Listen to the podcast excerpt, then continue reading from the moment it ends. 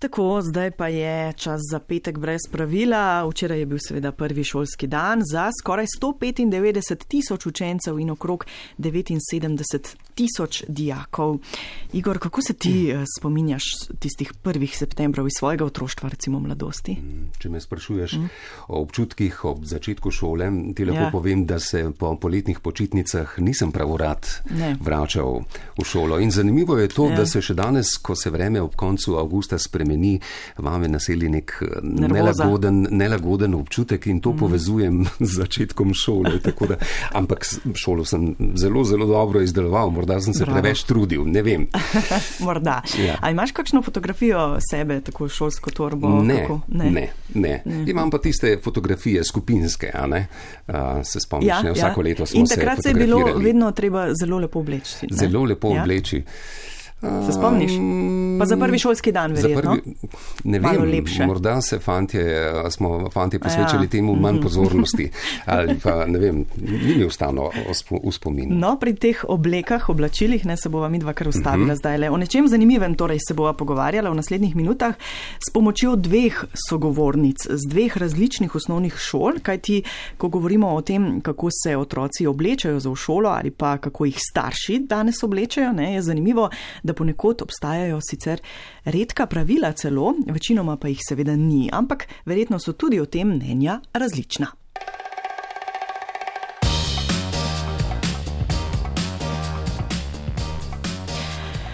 Takole je bilo nekje nekoč zapisano: otroci morajo biti snažni in lepo oblečeni, lepotičenje ni dovoljeno.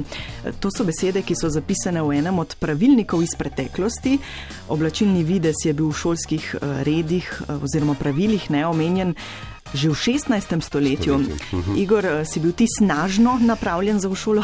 Uh, ja, res je, v šolo sem hodil v enem od prejšnjih stoletij, ne? ampak ne v 16. stoletju. Ja. Tako da uh, tam v 70. in 80. letih 20. stoletja zapovedi vendarle niso bile tako uh, toge. Uh -huh. um, ne spomnim se. Ne spomniš se, ne, ne spomnim se. Imaš slab spomin, jaz se recimo ne spomnim, oziroma se spomnim, da Aha. nisem v šolo hodila v trenirki. V trenirki? Ne. Ne spomnim se tega, no, ampak verjetno bi se spomnila, če bi doma, seveda, sem bila več časa v trenirkah, ampak eh, v šolo pa res ne. ne? No, ampak eh, danes je mm, oblačenje vendarle bolj sproščeno, Tako, tudi sicer. Tudi ne? trenirke niso ja. več to, kar so bile, ne? ampak do, do trenirk še uh mhm. -huh. pridemo. Ne? Zdaj gremo naprej v Valdorfsko šolo v Ljubljani. Uh mhm. -huh. Preberi. V Valdorfski šoli v Ljubljani so eni redkih pri nas, ja, ki imajo tako o oblačilih kot ostalem natančno zapisana pravila. Uh mhm. -huh. V hišnem redu osnovne šole recimo ni dovoljeno barvanje las, lakiranje nohtov in ličenje. Se kar strinjam s tem. Pa ne zato, ker bi bili tako strašno proti uh, make-upu in lepotičenju, ampak preprosto zato, ker smo mnenja, da mora biti vsaka stvar ob svojem času in v pravem času. In tako dekleta nagovarjamo, zdaj še ne, ko bo čas, zato pa lahko. Ko bo čas, torej v ja. srednji šoli, ne? gre torej neke, za neke eh, splošne smernice, ki so torej dejansko zapisane v hišnem redu. Simona Pajk, ravnateljica Valdorfske šole v Ljubljani, še pravi, da so se tako otroci kot starši na takšna pravila navadili in jih mhm. sprejemajo. Ja, menda, eh, se pa seveda tu in tam, ne hočeš nočeš, eh, zgodi kakšno, kako bi temu rekli, odstopanje. Učenka se je med počitnicami pobarvala konice las, ker barvanje las v osnovni šoli tudi ni dovoljeno.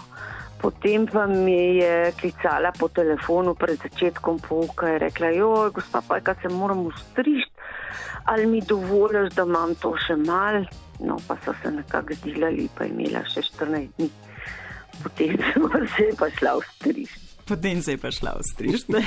ja, in tudi eh, dolgi lasje morajo biti na njihovi šoli eh, med poukom, seveda speti, eh, tako torej na Valdorfski šoli, kjer tudi pri oblačilih veljajo točno določena pravila. Ja, ampak gospa ravnateljica je razumevajoča. Očitno ne. Mm. Tako piše torej v njihovem šolskem pravilniku: oblačila učencev morajo biti funkcionalna glede na različne aktivnosti, ustrezne velikosti, urejena, zarobljena, brez luken in čista ter morajo biti udobna. Ampak tukaj je v oklepaju še zapisano, da to ne sme biti trenirka. še zlasti ne v nižjih razredih, v višjih še včasih pogledamo skozi prste. Ampak to je čist preprost razlog. V trenirki je telo povsem sproščeno. Otroci imajo že tako težave s dobro držo, In če imajo primerne hlače, ki se jim oprimejo telesa, in to samo pomaga pri tem, da lahko v šolskih, v šolskih klopih sedijo tako, kot se od njih pričakuje, in je za njihovo držo zdravo. Ja, tukaj, tukaj so res mnenja različna. Ja, ampak se zdi smiselno, da se, ko pridemo Vsekakor. domov, uh mhm. se preoblečemo v trenirko in uh mhm. vržemo na kavč. Tudi iz službe ne, na nek način ja. in se drugače oblečeš za v službo ne, kot za domači uh mhm. kavč. Ne. To je res. Ne. Um, trenirka torej za šolsko klop da ali ne, mnenja so seveda različna. Pa tudi to še, še enkrat, ne, trenirke res niso, bil, niso več danes to, kar so bile včasih. Ne, ja. Niso manj vredna, cenena oblačila, lahko so tudi zelo, zelo draga. Ne, ja, ja, moške obleke danes pravzaprav spominjajo že skoraj na trenirke. Ja. Eh, na večini šol pri nas eh, tega pravila ni. Torej recimo, ja. Ja, recimo na osnovni šoli Keteja in Murna v Ljubljani prednost, kot pravijo, dajajo funkcionalnosti. Moje stališče je, da mora biti obleka funkcionalna, sploh pri mlajših učencih. Oni se veliko krat v razredu posedajo na tla, se ne vem, zunaj so v podaljšanem bivanju, pridemo v park, ne moramo na vsako pikico blata paziti, da ne bojo lepša in boljša oblačila umazana. In vedno tudi potem na roditeljskih sestankih staršem svetujemo, da naj poskrbijo, da bo obleka primirna No, tukaj pa eh, proti trenirkam nimajo uh mhm. -huh. nič. Ne? Eh, torej, eh, ne samo primer na šoli kot taki, ampak tudi dejavnostim. Ne? Ker najhuje je, to pa pove Jožica Frigel, učiteljica na osnovni šoli, torej Keteja in Murna v Ljubljani. Ko otrok stoji zunaj ne, ob igrišču, gleda ostale, ne želi sodelovati pri kakšni igri, ker pač noče biti umazan. Ne. To je pa tudi ena, ena plat tega, ne, če se otrok preveč uredi za šolo. Ja. V vzgojnem načrtu večine slovenskih šol, torej tako kot v omenjeni, posebnih kodeksov oblačenja ni. V njihovih pravilih uh, edino piše, naj otroci v šolo prihajajo dostojno oblečeni. To pa ja, dostojno. Ja. No in tukaj imajo lahko težave predvsem zrelejše generacije šolarjev.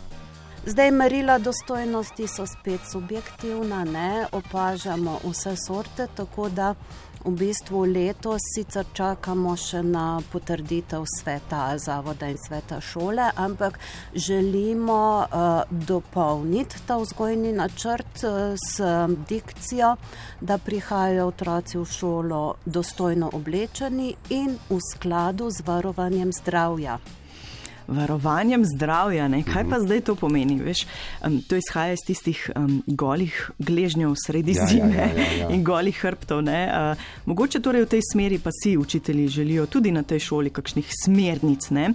Ampak res pa je tudi, da šola nekako ne more strogo zapovedati, kaj pa je še primerno in kaj ne. ne? Učitelji nekako. Ne vem, bodo morali tukaj presojati sami, očitno. Ja, o pomoči staršev, ne? starši lahko Starši veliko prvi, naredijo. Ja. Ja. Mm.